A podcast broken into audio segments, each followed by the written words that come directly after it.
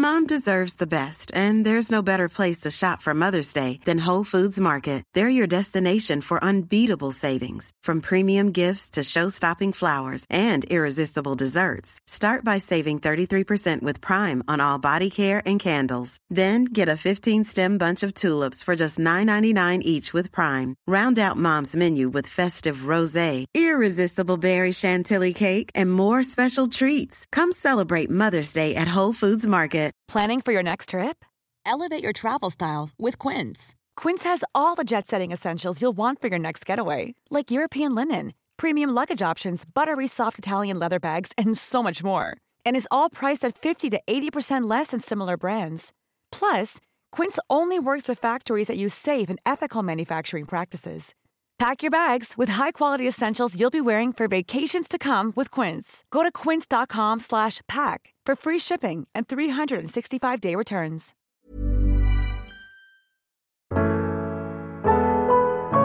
Och så brukar jag fråga hur, hur illa det var så hade vi tio fingrar.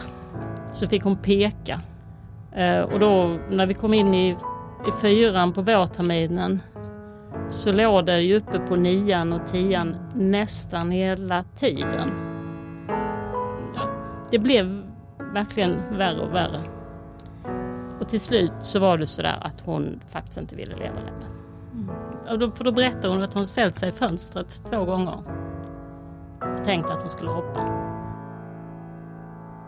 Lova är bara tio år och går i fjärde klass när ångesten kommer krypandes. Hon kan inte längre gå till skolan. Lova är en av Sveriges tiotusentals hemmasittare och hon mår så dåligt att hon funderar på att ta sitt liv. I det här avsnittet av Berätta allt det här träffar vi Nadja Yllner, mamma till Lova, som berättar om kampen i hallen, om skolan och tårarna. Om Lovas och hela familjens kamp och resa till hopp och hjälp. Idag är vi så stolta och tacksamma att få ha med oss dagens gäst som inte bara är eh, underbar journalist som har gjort så mycket gott i journalistikens namn på Uppdrag granskning under många år utan hon är också författare till Hon kallades hemmasittare om skolan, tårarna och kampen i hallen. Varmt välkommen hit Nadja Yllner. Tack ska du ha för den mm. fina presentationen.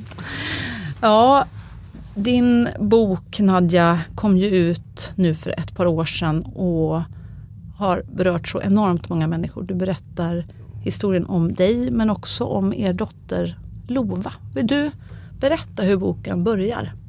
Så att vi började skriva boken var ju för att vi kände oss så fruktansvärt ensamma när vi var där. Och att eh, när vi då var ute ur krisen och såg ljuset och fast mark under fötterna så kände jag ju att vi hade behövt en bok när vi var mitt i skiten. För vi, det fanns inte. Hela den här problematiken med hemmasittare hade gått fullständigt under radarn. Det var ju ingen som visste hur många de var och framförallt vet man det fortfarande inte hur många de är, vilket är rätt anmärkningsvärt. Det hade liksom aldrig hänt på den skolan som Lova gick på att det fanns ett barn som hade många vänner som ville vara med henne och hon hade absolut inte svårt att lära sig i skolan. Det fanns liksom ingenting på utsidan som borde leda till att här skulle finnas ett problem att komma iväg. Men för Lova blev skolan när hon gick i fjärde klass ungefär som en björn. Den väckte lika mycket ångest i henne att närma sig skolan som om skolan var en björn. Mm. När man inser det till slut så förstår man ju också att det här är ingenting man kan argumentera bort. Det är ju inte en rädsla som man kan eh, med logik plocka bort från en annan människa. Lika lite som en björn är en björn. Det känner hela jävla kroppen att det är en björn. Men det var när vi det var i trean som hon började må illa. Du beskriver till och med att hon kräks vid något tillfälle och först tror ni att det är magproblem, eller ja, hur? Ja, och det ligger i, det är liksom, vi, vi går till doktorn och de tror att det kanske är en virus och det kan sitta i länge och sånt och sen så blir det ju sommarlov och allting blir ju bra igen. Och sen kommer hösten så kommer det här illamåendet smygande och hon måste vara hemma oftare och oftare på grund av att hon mår illa. Ibland trycker vi iväg henne och ibland så ger vi upp och tänker att nej men hon mår väl illa, hon får vara hemma idag då. Och sen slutet på fyran så ringer sjuksystern och säger så här med myndig stämma att eh, ja, ni förstår väl att det är viktigt att Lova kommer iväg till skolan. Som om vi inte hade fattat det liksom. Och jag sa att men vi behöver ju hjälp. Men det fanns ju ingen hjälp att få. Det hade funnits en liten grupp på skolan som försvann då med den nya läroplanen 2011 då man ville att alla skulle inkluderas. Ja, och läraren var ju lika förtvivlad som vi. Det var en jättefin lärare. Hon hade 30 barn i klassen och där gick ju också några av de här som tidigare hade gått i den lilla klassen som inte klarade av en med mjöl som gjorde att de själva blev väldigt stökiga. Precis och du berättar ju också i, i boken i någon episod där när, när du och, och och Lovas pappa ska försöka få iväg henne och ni tänker men nu, nu måste du ju gå till skolan och liksom försöker tvinga ner fötterna liksom i, i skorna och, och, och släpa henne nästan bära henne till, till skolan apropå kampen i hallen. Ja men innan tänkte jag, innan hade man ju hört talas om de här killarna som fastnar framför datorn och tänkte man ju bara hur svårt kan det vara? Det är väl bara att stänga, slänga ut datorn och peka med hela handen. Det här är inte okej okay spår, nu gör vi inte så här längre. Men eh, det var inte så lätt. För när vi då Alltså det var ju så många gånger vi var i hallen och hon säger vill inte, vill inte, vill inte. Och vi säger jo du måste. Och så trycker man ner fötterna i skorna. Och så när vi då liksom hade fått nog både jag och Thomas och vi liksom tog ett trappsteg i taget och gick i armkrok med henne liksom. Och så tänkte vi hon ger ju sig snart. Men sen när vi då kommer in i den porten som leder ut mot gatan och skolan då blir det liksom full fight hon lyckas slita sig. Och den blicken jag fick av henne då gjorde att jag förstod någonting på djupet av mig själv som jag inte hade förstått förut. Vad var det du förstod? Att det här är ingenting hon kan styra över själv. Det handlar inte om vad hon vill. Mm. Utan det är den här björnen där borta. Mm. Som hon kallade Violetta.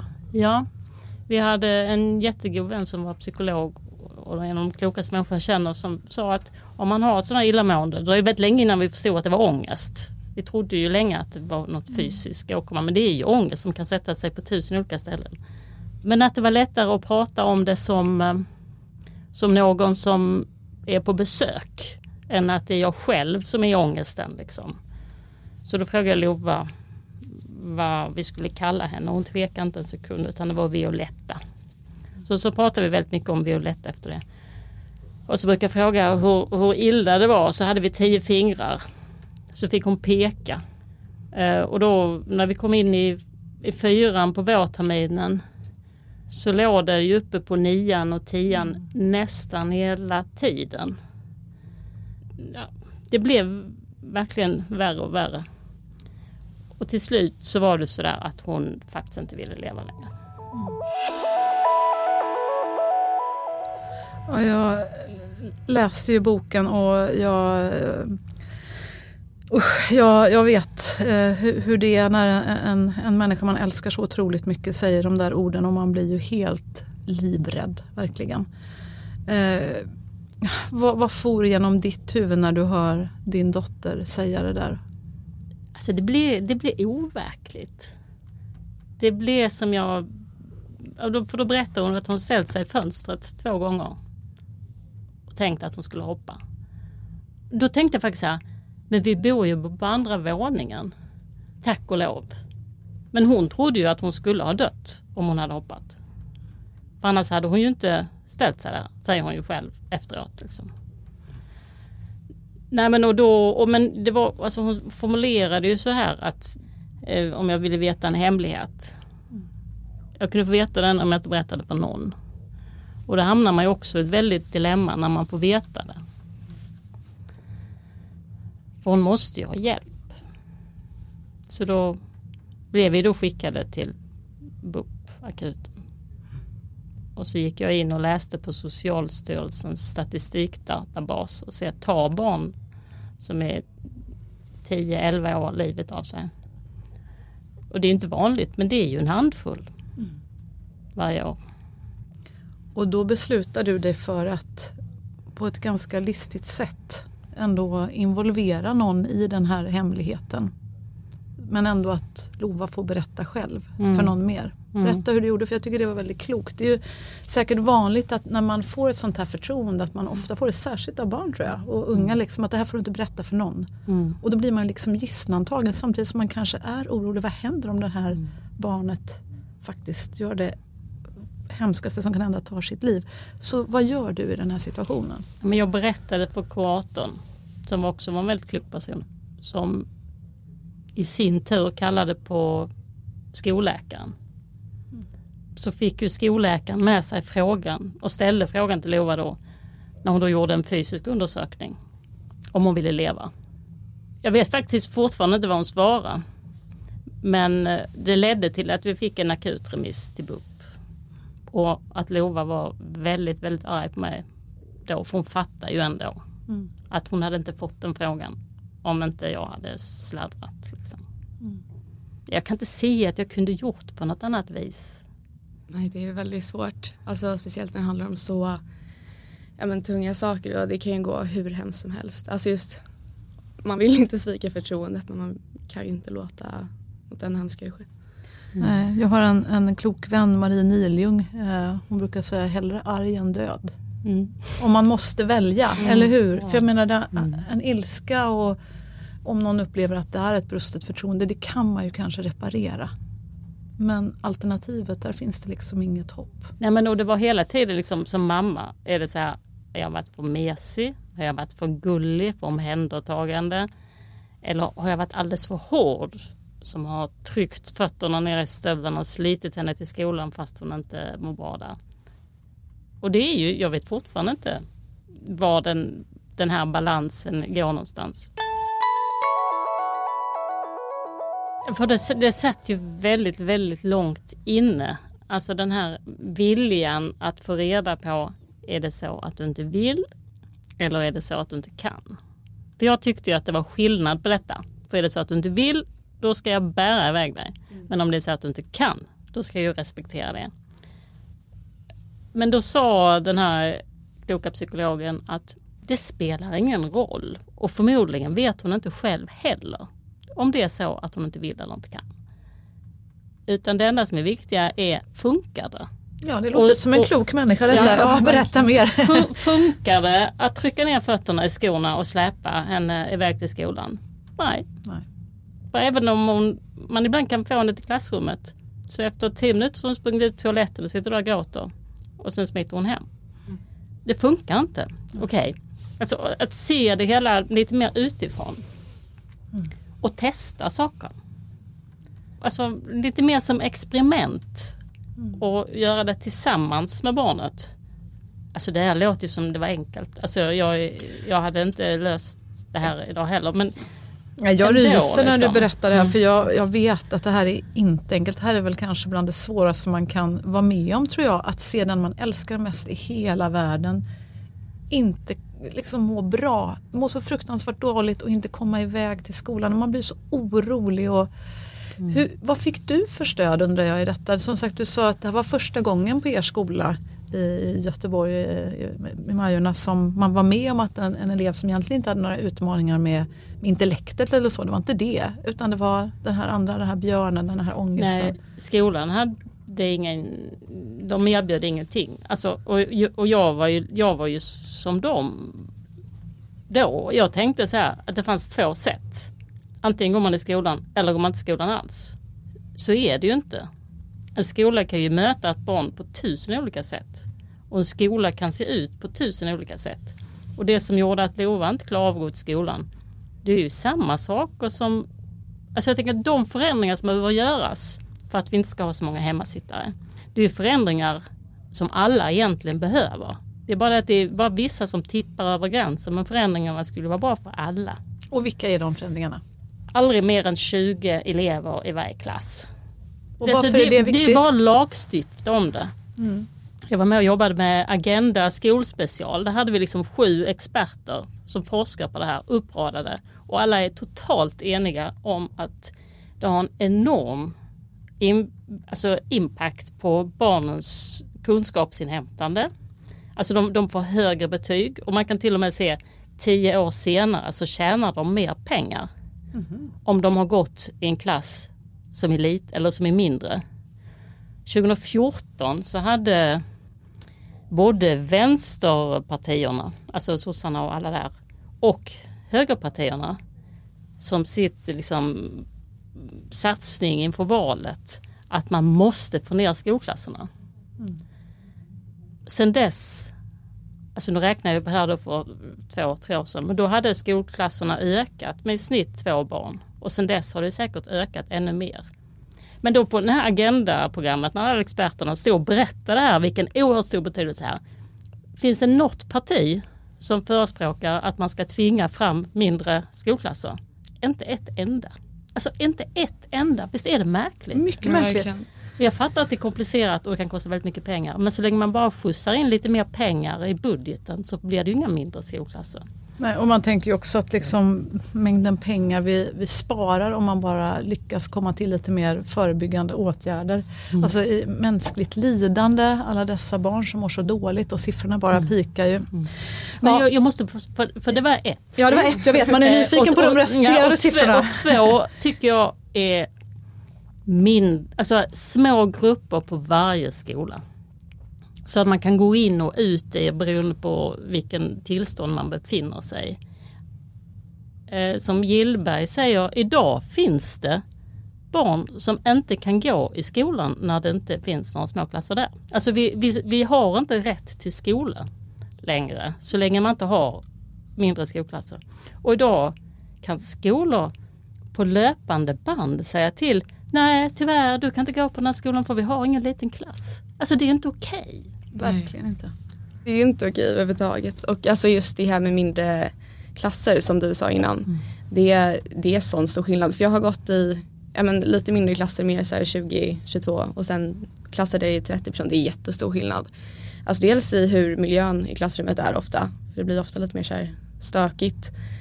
Och eh, ja, men, hur mycket man lär sig också framförallt hur mycket läraren behöver lägga på typ ta hand om ja, lite stök eller man kan faktiskt lägga på att lära eleverna eller vara där och, om eleverna har frågor och det är väl också en grej som ja, men jag har märkt mycket när det är väldigt många människor i en klass att det är väldigt svårt att få ja, men en riktig kontakt med läraren också. Att det, det är så många som den har liksom ansvar för att det är svårt att ja, men riktigt få en kontakt för människa och människa.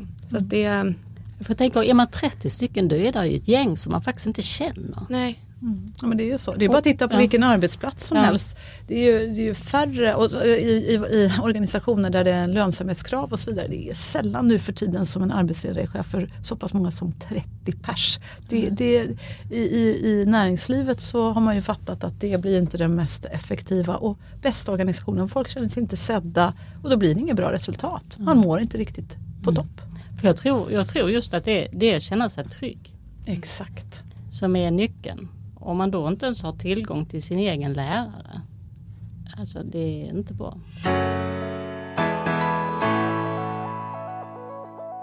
Men berätta mer om din lista, för den här låter som en lista vi alla borde anteckna. Eh, mindre klasser sa du. Ja, men det, ja, men det här... Och tvåan var? Alltså om man säger det, det finns ju olika nivåer. Mm. Det finns ju, hade jag varit eh, suttit i riksdagen och skapat lagar så hade jag sett till att det inte var lagstiftare, max 20 i varje klass. Mm. Och se till att vi har räknar. Hur många eh, hemmasittare. Mm. Alltså man får, dels man bestämmer sig vad är hemmakämpare kan man säga nu. Ja, det faktiskt det är finare ja. på ett sätt. Det låter så ja. kränkande med hemmasittare och det skriver du också i din bok tycker jag är väldigt klokt. För det känns som att någon men vill låter, sitta hemma. Ja exakt, det låter som ett val att man sitter och ja. Skolan tråkigt liksom. Men så skulle man väl aldrig säga om vuxna som mår psykiskt dåliga och, och dåliga, utbrända, att de är hemmasittare. Det, det är förfärligt men ja. det är ännu värre om man inte benämner dem ett ord för då finns de inte. Exakt. Mm. Men på lagstiftningsnivå så handlar det också om att eller, se till att Skolverket ser till att räkna. För så länge vi räknar att en rektor får skämmas när den har väldigt många som inte klarar av att gå dit. Så länge rektorn inte får skämmas över det resultatet på samma sätt som de kan få skämmas över att det är väldigt låga betyg så kommer inte frågan prioriteras. Nadja, du skrev ju den här boken, den kom väl ut 2021 va? Var det så? Eller har jag drömt? Eh, ja, Mm, precis. Ja. Tiden går fort när man har roligt höll jag på att säga. Men då, det har ändå gått ett par år. Du skriver ju det här och jag blir, jag blir liksom, det knockar mig i magen när du liksom själv du som är journalist ställer frågan men hur Mm. många finns det som har det som jag och, och vår familj, hur många hemmasittare finns det? Och det finns liksom ingen som har räknat på det här och du kommer fram till men det finns inga siffror. Du tar reda på hur det ser ut i Stockholm stad Stockholms kommunala skolor Ja. finns det siffror på. Ja. och, och där var siffrorna ungefär Alltså nu har jag ju inte Nej, dem men nu är de riktigt men alltså det är väl typ ungefär. 50 000 i hela Sverige om man liksom överförde och då beror på om det var 20 procent frånvaro eller om det var 50. Ja men, precis. Ja. men, eh, Oavsett, det är ju ungefär det hela. Ja. Men det är ju helt sjukt att det fortfarande inte finns några riktigt, riktigt pålitliga siffror här. Nej, och mitt enda lilla stickprov, det som var vä- väldigt tydligt var att det gick spik rätt upp mot taket. Kommer ni ihåg när, när det var eh, pandemin? Då satt man och tittade på den här kurvan. När ska det vända? När ska det vända? När ska det vända? Och sen går man in och tittar på alltså, diagnoserna. Alltså diagnoser får man när man har misslyckats i skolan. För då blir man skickad till BUP och då gör man en utredning så får man en diagnos. Hade man inte misslyckats i skolan hade man inte överhuvudtaget hamnat på BUP. Och de diagnoserna går ju bara käpprätt och antidepp. Alltså, och det, det är liksom inte en tillstymmelse till vändning i sikte. Det ökar lika mycket. Så det är någonting väldigt stort som håller på att hända. Som är jäkligt sorgligt. Alltså. Jag vet, det är sorgligt och jätteallvarligt. Vad, har du fler punkter på din lista förresten? Innan Ja, vi... tack så mycket. Ja, för jag vill inte släppa din lista. Sen ska vi fortsätta grotta ner i vad, vad fasen. Ja. Hur gör vi för att vända den här? För Nej. du, har helt rätt. Nej, men jag ska, är- för, för det, är ju- det är ju riksdag och sen är det på kommunnivå. Där är det de små klasserna och team, hemmasittarteam, de som har träffat massor av barn tidigare som har varit med om samma sak, som har en massa verktyg som kan säga, men vi testar att eh, varje gång du kommer till skolan så står jag här och möter dig. Eller vi kanske ska träffas på biblioteket istället. Och det som jag gjorde tricket för Lova var väldigt mycket att det fanns en person som hon tyckte väldigt mycket om. Man bara tänk man väljer den personen på skolan som du tycker allra, allra mest om. Nu får du den här personens mobilnummer och du får smsa den personen precis när du vill. Och den personen finns alltid här för dig. Jag tror den skulle kunna hjälpa många. Verkligen. Eller att man, du behöver inte vara med på rasterna. Det är helt okej att du stannar inne och läser den här boken. Ja, alltså jag kan ju inte de här alla grejerna men det finns. De, det finns de som kan. För nu blir det att föräldern sitter där som projektledare som är total amatör. Som en liten spindel där och så är det till BUP där och SOS där och skolan där. Och det är ingen som har det totala ansvaret. Alla nej, men vi, hon kommer inte hit så kan inte vi göra någonting, säger skolan.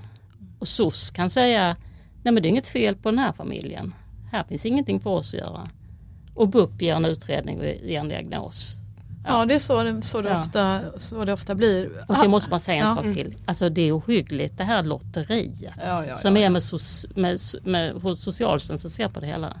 Alltså vissa kommuner säger bara nej det är inte vårt problem om det här är en välfungerande familj i övrigt. Medan andra går in med jättemycket pengar till då Magelungen och kopplar in stora som de här expertteamen som tar över ansvaret. Men, eh, och överhuvudtaget också ett lotteri när det kommer till skolorna skulle jag säga. Hur skolledare agerar i, i olika skolor, fastän är samma kommun till och med. Det är ju helt vitt skilt i, i, i vårt fall så då var ju din, din rektors förslag när liksom du hade väldigt, väldigt hög skolnärvaro, för, förlåt.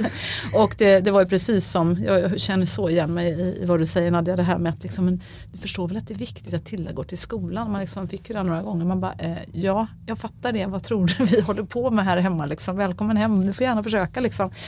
Men där var ju liksom åtgärden att ta bort engelska.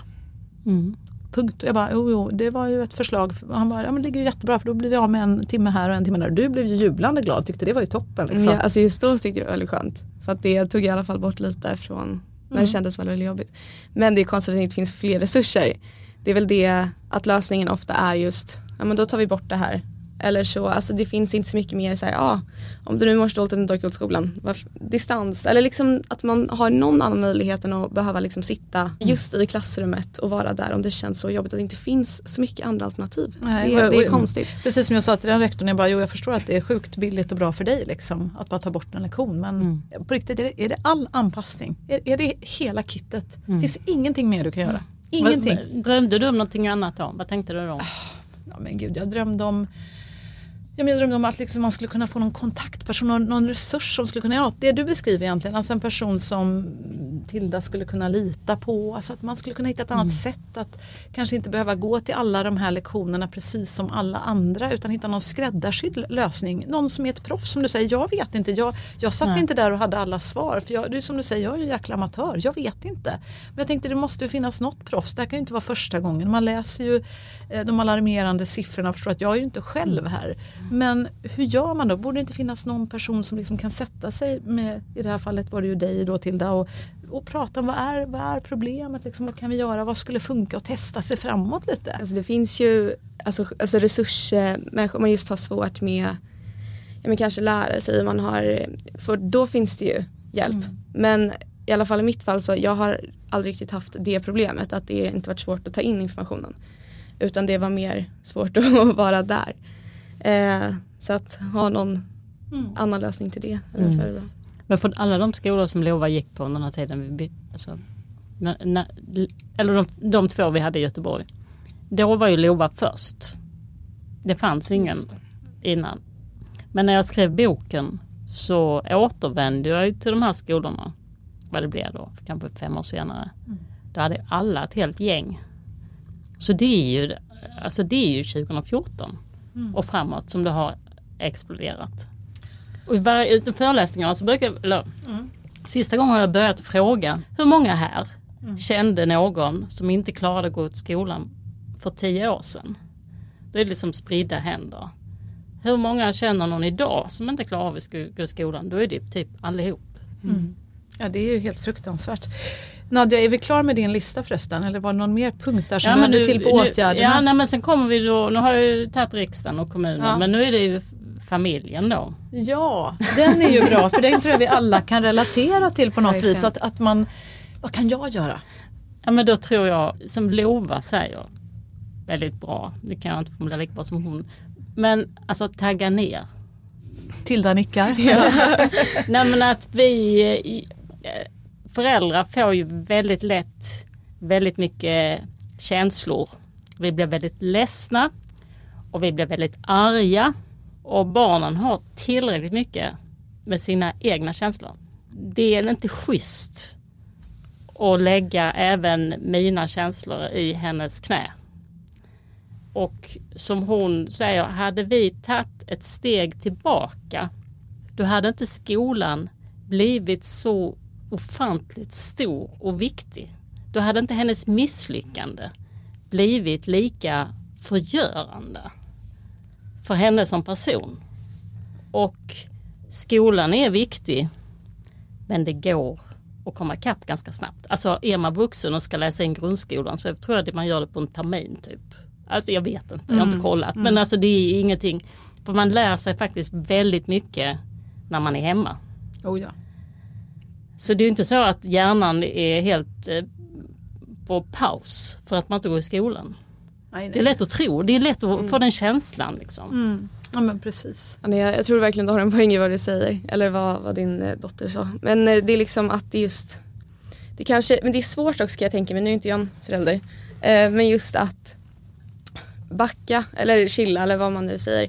Men jag tror det är så viktigt att i många situationer, var, nästan var det gäller alltså här, försöka se på det objektivt på ett annat sätt än vad jag tror men jag har gjort eller du har gjort eller hur vi har gjort. Liksom att det, det blir precis som du säger, det blir så mycket känslor och man känner sig orolig eller man känner sig ledsen eller förtvivlad och det ja, man förstår inte sitt barn och jag förstår liksom inte dig och då om man istället hade tagit ett steg bak och bara andats och bara men varför är det så här? Och kanske liksom men förstå mer och sätta lite distans från. Man får lite perspektiv ja, på det. Mm. Ja, nej men precis och det, det, låter ju lätt men, men det, är, det är ganska svårt. Jag tyckte det var ett, ett råd som vi fick väldigt mycket. Det var ett ord. Det var egentligen hela handboken från hela samhället och det var ordet backa. Var det Ja. Men jag menar det är inte så lätt. Man bara okej, okay, jag ska bara backa, okej okay, jag ska bara skita i det. Jag ska liksom bara säga okej, okay, nej men ligg kvar du vid sängen, lycka till gumman, ja, jag ropar om det, jag är här, jag backar. Alltså det känns så otroligt liksom ja. men, men, nonchalant också när man ser att någon mår så fruktansvärt dåligt. Ja. Om, om, om, man har ett barn som liksom mår skit, har ångest, liksom, det bara skriker jag mår så fruktansvärt dåligt. Det, alltså det känns mot alla, men, för mig modersinstinkter ja. att då backa backa men jag förstår nu att det ändå finns en viss poäng i det. Men jag vill bara förklara instinktivt ja. så var det så svårt för mig. Ja, men då lägga pressen på, på skolan mm. istället. Och kanske, alltså, jag tror för många barn och som är Lova det som händer, att, alltså rent kroppsligt och själsligt så är de ju som om de var utbrända. Alltså Exakt. vi vet ju hur vuxna utbrända kan bli totalt förlamade. Klarar knappt resa sig ur soffan. Mm. Då finns det ju inte sju pers som ställer sig runt till dem och säger Kom igen nu, gå och sätt dig på precis samma arbetsplats med precis samma människor omkring dig och gör precis samma saker som ledde till att du blir utbränd. Exakt, men det där har jag sagt flera gånger tycker jag faktiskt till när du och jag har varit runt i, i, i svenska sjukvårdssystemet och så vidare, alla möjliga instanser. Så jag har sagt så men herregud, om Tilda hade varit vuxen då hade hon ju varit sjukskriven. För du är sjuk. Liksom, det spelar ingen roll om det liksom är fysiskt eller psykiskt. För dig. men om, precis som din kloka psykolog eh, sa, det spelar liksom ingen roll om det handlar om vill eller kan. Det går inte. Liksom. Funkar? Nej, det funkar inte. Och vuxna sjukskriver man ju. Men, men, eh, men när vi sa det till eh, människor i sjukvården, alltså psykologer och psykiater, det var ju liksom ingen som sa men du har helt rätt, vi sjukskriver till det. Det var faktiskt ingen som sa det.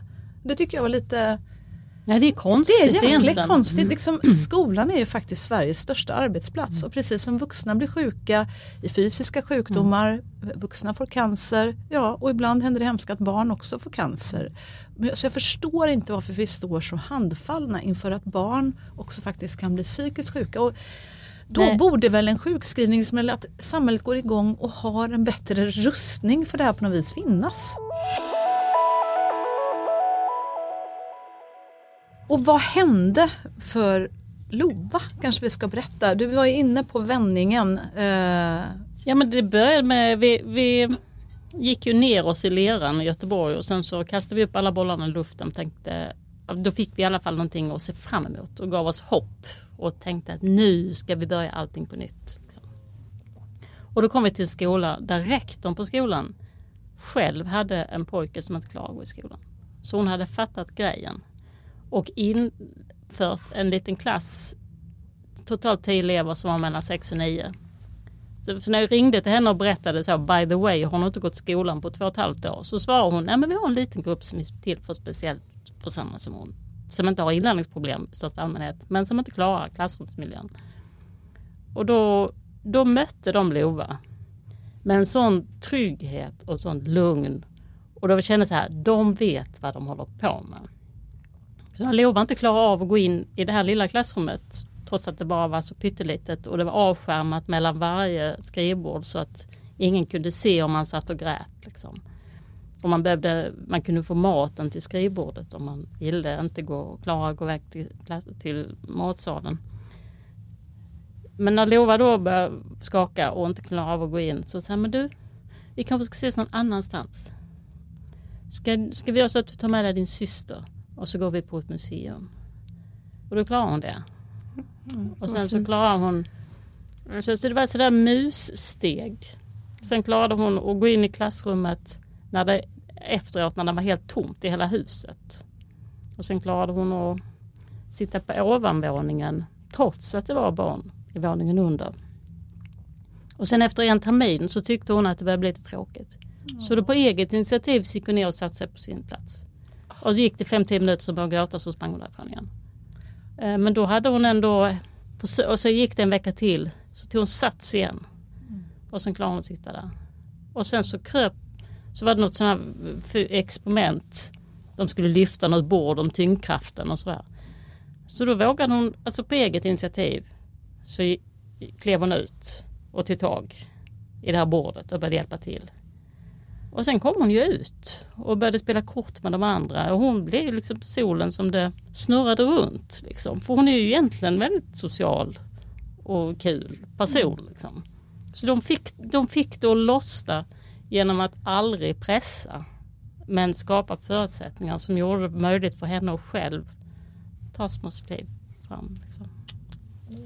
Och sen fick hon, när hon då började i vanliga klassrummet så, så hade de ju det Frans. Ja, just det.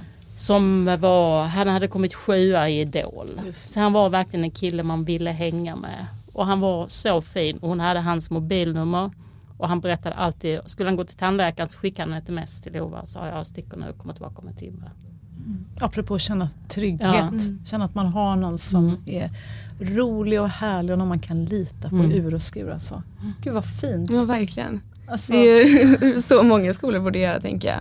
Mm. Det finns väl ingenting bättre att man skapar. Så här, ja, det funkar inte i den här miljön. Ja, men då går man någon annanstans till mer någon du känner trygg med. Det är helt mm. fantastiskt. Att det... ja, alltså, åh vad man vill att det inte ska få vara ett lotteri. Vilken otrolig lycka det måste ha mm. varit för dig att känna det här. Alltså, när kom lyckotårarna till vattnet? Det måste ju varit fantastiskt. när kände du så här att liksom du började tänka men gud nu kanske vi börjar snart se ljuset här. Nu är vi, vi kanske, det kanske, vi kanske kommer över det här liksom. När, när insåg du, var det någon sån där vändpunkt alltså kände? Men det, det, är ju så här, det, det är ju väldigt det är, det är ju inte så att det, nu har vi löst det för att hon fick det här numret. Nej. Det fortsatte ju att vara många mm. dagar hon inte kom iväg. Men det blev aldrig att hon stannade hemma helt. Utan hon kom alltid iväg igen efter några dagar. Nej men det, det, är väl, det är väl egentligen först de sista två åren som jag, som jag är helt lugn. Liksom. Ja, men, men helt otroligt. Jag, jag blir så, så rörd över att, att eh, den här fantastiska skolledaren alltså. Vilken ja. underbar människa. Mm. Att, eh, men att det ska vara så också att det krävs att hon har då haft och upplevt samma trauma mm. egentligen och samma hemska erfarenhet. Mm. För att eh, hon borde åka runt och föreläsa också för andra mm. skolledare mm. egentligen ju, eller hur? Verkligen. Mm. Ja gud, nej men eh, ja herregud, man önskar att alla kunde få ha det så här till ja, eller hur? ja men vad, vad, vad händer nu då? Vad, vad, hur går det nu för Lova? Vad, vad gör hon idag? Hon jobbar på Gröna Lund. Åh, vad kul! roligt! Ja, vad kul. Ja. Och så går hon på Skeppsholmens folkhögskola. Mm. Ja. Och det tror jag är alltså jag har inte fattat innan vad viktiga folkhögskolorna är. När man läser på deras hemsida så handlar det ju väldigt mycket om att få eleverna att hitta sin egen väg liksom, och hitta sin egen motor. Och när hon har ringt, alltså, när hon har ringt dit så jag kan inte komma idag för jag mår inte bra, så säger de fint du känner efter Lova. Åh. Ja, och det, går, det går jättebra. Ja. men att, att jag känns på folkhögskolorna fångar in alla udda fåglar som inte funkar i det här maskineriet som ändå mm. gymnasiet är. Ja. Jag tänker också, när du var mitt uppe i det, i det värsta Nadja, eh, inte nog då med jag att, att det var svårt kanske på ett sätt att få hjälp eh, i skolan innan ni hamnade på rätt plats. Ni fick byta liksom kust ifrån och fick åka från Göteborg till Stockholm och göra jättestora förändringar i era liv. Du liksom flyttade från din arbetsplats och, och slutade på, på Uppdrag granskning där och fick göra massa förändringar i ditt liv för att bara göra något. Det var ju liksom kris. Men jag tänker, vad, vad fick du för hjälp? Jag, jag upplever ju, och det skriver du om i din bok också, att många vuxna och föräldrar mår ju inte heller bra för man blir ju så jäkla orolig. Ens egen psykiska hälsa blir ju inte heller riktigt på topp alltid när man är nästan en konstant krissituation. Jag kommer knappt ihåg hur det var för några år sedan. Jag får liksom anstränga mig för att faktiskt minnas hur, hur det var hemma. Och, och, och, om jag riktigt anstränger mig då, då är det som att jag kan gå in i det rummet men det är liksom som natt och dag jämfört med vad det var nu. Kommer du ihåg ens hur det var när det var som värst? De där hemskaste månaderna och liksom när du var i total kris. Och, vad fick du för hjälp då? Nej men vi fick ju ingen hjälp. Vi betalade själva. Vi slutade att avbetala på bostads... Mm. Eller, ja. alltså, och vi gick till en psykolog själv. Men det, det, det, jag, det som var viktigast med psykologen som vi gick till tillsammans med Lova. Det var inte kanske egentligen vad eh, Lovas KBT, det funkar inte så bra. Men det var en väldigt bra psykolog. Det hon gjorde var att hon fick mig och Thomas att bli ett team. Mm. För jag tror, jag tror faktiskt att det är jättevanligt att, man, att föräldrarna drar åt olika håll. Alltså samma skäl som man själv har två sidor i sig själv. Den ena tycker nej jag är för snäll och nej och den andra mm. sidan tycker jag är för hård. Så blir det väldigt lätt att föräldrarna blir, den ena är den som är hård och den andra är snäll. Och så blir föräldrarna också osams. Mm. mm. Och så drar man på två olika håll. Mm. För det, med den här Lisa, vår, vår psykolog, det var så, här så att vad skulle Lisa ha sagt nu sa vi till varandra. och Lisa var ju, var ju liksom lojal med Lova i ur och skur. Mm. Så Lova hade ju alltid Lisa på sin sida liksom. Att man, kan inte, man skulle alltid testa och sen skulle man gå så långt man klarar. Sen skulle man vänta lite där. Och, sen, och det gjorde ju att, att hon vågade gå längre än hon hade gått om hon inte hade vetat att hon fick vända. Så det var en sån eh, Nej men jag tror faktiskt att, att föräldrapar behöver gå till en psykolog i väldigt mycket utsträck, större utsträckning. Mm. Det, tror, de gör, det liksom. tror jag också absolut och på ett sätt så tycker jag det är sorgligt. Nu hade ni de ekonomiska förutsättningarna mm. att göra det men jag tycker ju det är ju hemskt att det ska också vara en fråga om, om pengar. Vad, vad händer om man är ensamstående inte har råd att betala dyra psykologbesök som kostar tusentals kronor varje vecka. Det är ju det är hemskt mm. att det faktiskt ska handla om det. För hur bra mår barnen också mm. om föräldrarna går mm. sönder? Nej, jag tror det egentligen borde vara steg ett när man har mm. barn som inte går i skolan. Att föräldrarna får gå till någon och veta hur ska vi hantera ja, det här? Liksom? Det, är bara som att se hur det är i flygplanen. Alltså, eh, föräldrarna måste ju först ha syrgas ja. för att kunna mm. ge barnet syrgas. Om mm. man själv håller på att faller helt samman av oro och skräck och också psykiskt dåligt mående och som du mm. säger ofta också säkert att man drar åt olika håll för man vill väl men man, man blir good cop bad cop och, och, mm. och, och, det blir bara ännu mer konflikter av, av alltihop. Så, ja. det blir så mycket lättare att hjälpa när man har verktygen framför sig. Mm. Så det är att, eh, men att just föräldrar får gå i kurs, eller bara alla överlag, att man liksom får lära sig mer om hur gör jag när mitt barn mår så eller någon i min närhet mår så här. Att man får den utbildningen. Ja, nu kommer jag att tänka på när, när, jag vet inte hur det var när du blev mamma en gång i tiden men jag kommer ihåg att jag fick gå på någon sån här föräldrakurs liksom när man var så gravid och det var väldigt mycket fokus som jag minns det på, du vet hur man skulle få dem att byta blöjor. Jag tyckte det var så mycket korkade frågor men jag ska vara helt ärlig som jag tyckte det kändes så himla basic utan att jag själv någonsin hade bytt en blöja höll jag på att säga men jag bara tänkte ja men hur svårt kan det vara man torkar väl och man ger dem väl mat när de är hungriga och sådär. Men sen upphör ju det där så att säga. Man, man tänker att det är ju egentligen det är ju the basic stuff men det svåra är ju när vi kommer till, till detta. Men det borde ju finnas i Eller varje hur? kommun en föräldrakurs för hemmasittarföräldrar. Ja faktiskt och jag, jag kan säga att det funkar i alla fall inte särskilt bra där, där vi bor mitt i, i Stockholm här på på Kungsholmen. Det kanske eh, funkar bättre men vi har, vi har liksom sökt och det är så här ofta att det, ja, den, den stackars eh, ansvariga på kommunen som liksom eh, ska vara liksom resurs och stöd för föräldrar, ja, nej, den är långtidssjukskriven och, och um, ja, kometprogram finns det liksom för, ja, nej, då, det, tyvärr det blir inget mm. den här våren, kanske i höst. Och liksom man bara, aha, okej, så kanske om nio månader att ni startar en ny grupp. Mm. Man bara, okej, ja, nej, men då väntar vi nio månader av mm. vårt barns liv och vårt liv det blir väl bra.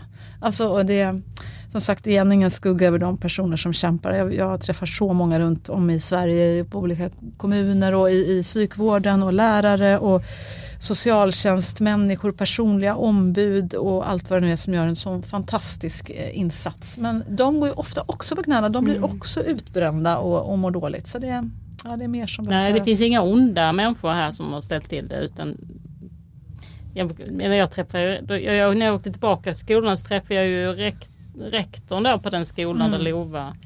Hon hade ju till slut insett, alltså hon ville ju inte att den lilla gruppen skulle försvinna. Så efter att det hade gått då några år, när Lova då, så hade det ju tillkommit fler hemmasittare. Och då hade hon infört den här lilla gruppen igen. Mm. Men då gick hon ju flera miljoner back. Mm. Så hon blev om, hon hade precis blivit av med jobbet när jag träffade henne. Alltså så det är inte lätt. Nej. Men det är ändå, jag tycker ändå att det känns verkligen som att det har hänt mycket sedan 2014. Mm. Alltså att det är många kommuner som har inrättat sådana här hemmasittarteam som lyfter lite på ansvaret från föräldrarna till teamet och de har erfarenheter och verktyg. Och, så det finns hopp. Och det är fint ändå. Nadja Ylner, det finns hopp. Eh, jag vill tacka dig och Tilda också förstås. Verkligen. För att du har kommit hit. Nu blev det här samtalet mycket längre än vad vi trodde men det är för att du säger så himla mycket viktigt.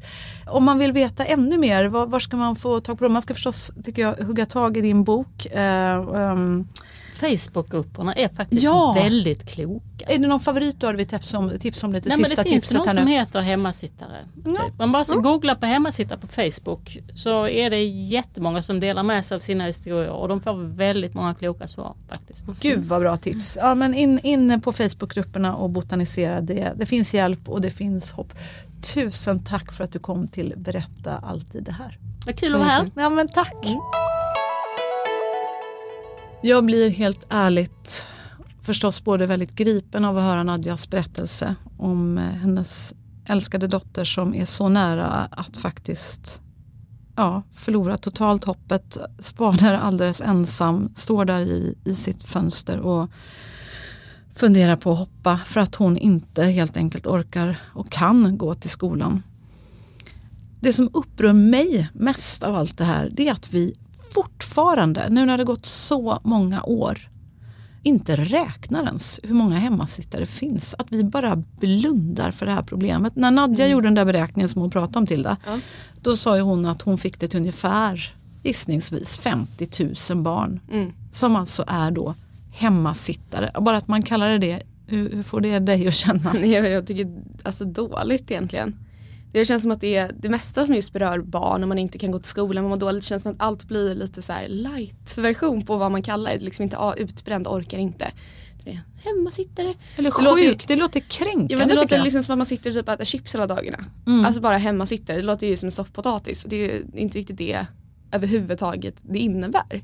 Mm. Men det känns som att det är en ganska återkommande grej just när det gäller barn. Att det inte finns samma respekt egentligen på många sätt för hälsan som det finns hos ja, men vuxna egentligen. Att de, man, man blir behandlad på ett annat sätt, alltså speciellt av just sin arbetsplats och sina chefer eller om det är skolan och lärare. Det blir liksom en helt annan behandling beroende på hur gammal du är vilket jag tycker är väldigt konstigt egentligen.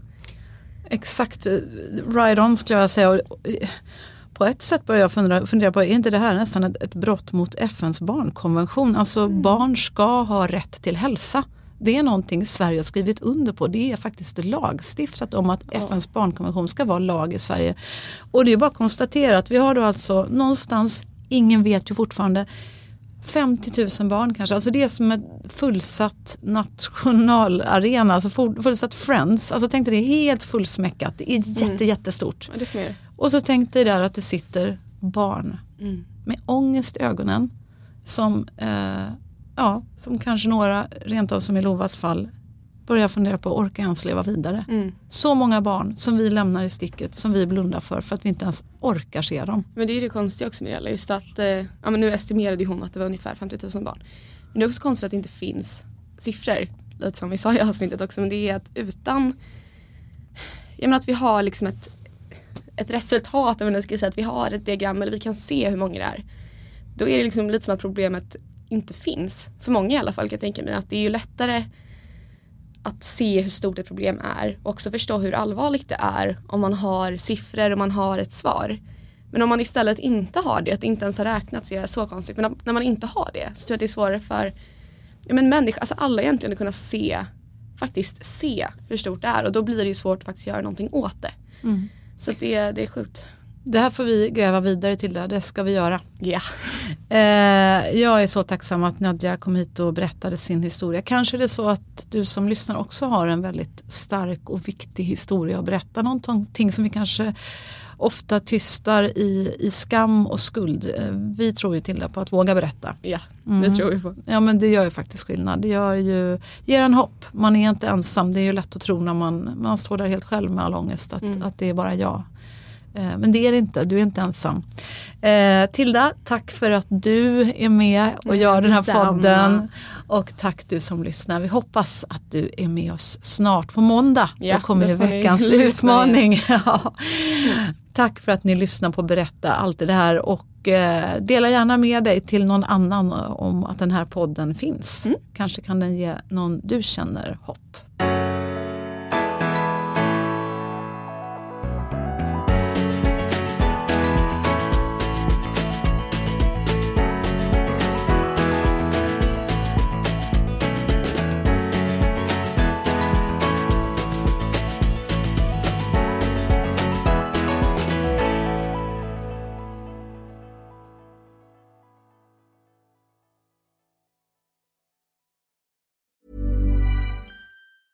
Normally, being a little extra might be a bit much, but not when it comes to healthcare. That's why United Healthcare's Health Protector Guard fixed indemnity insurance plans, underwritten by Golden Rule Insurance Company, supplement your primary plan so you manage out of pocket costs. Learn more at uh1.com. Planning for your next trip? Elevate your travel style with Quince. Quince has all the jet setting essentials you'll want for your next getaway, like European linen, premium luggage options, buttery soft Italian leather bags, and so much more and is all priced at 50 to 80% less than similar brands. Plus, Quince only works with factories that use safe and ethical manufacturing practices.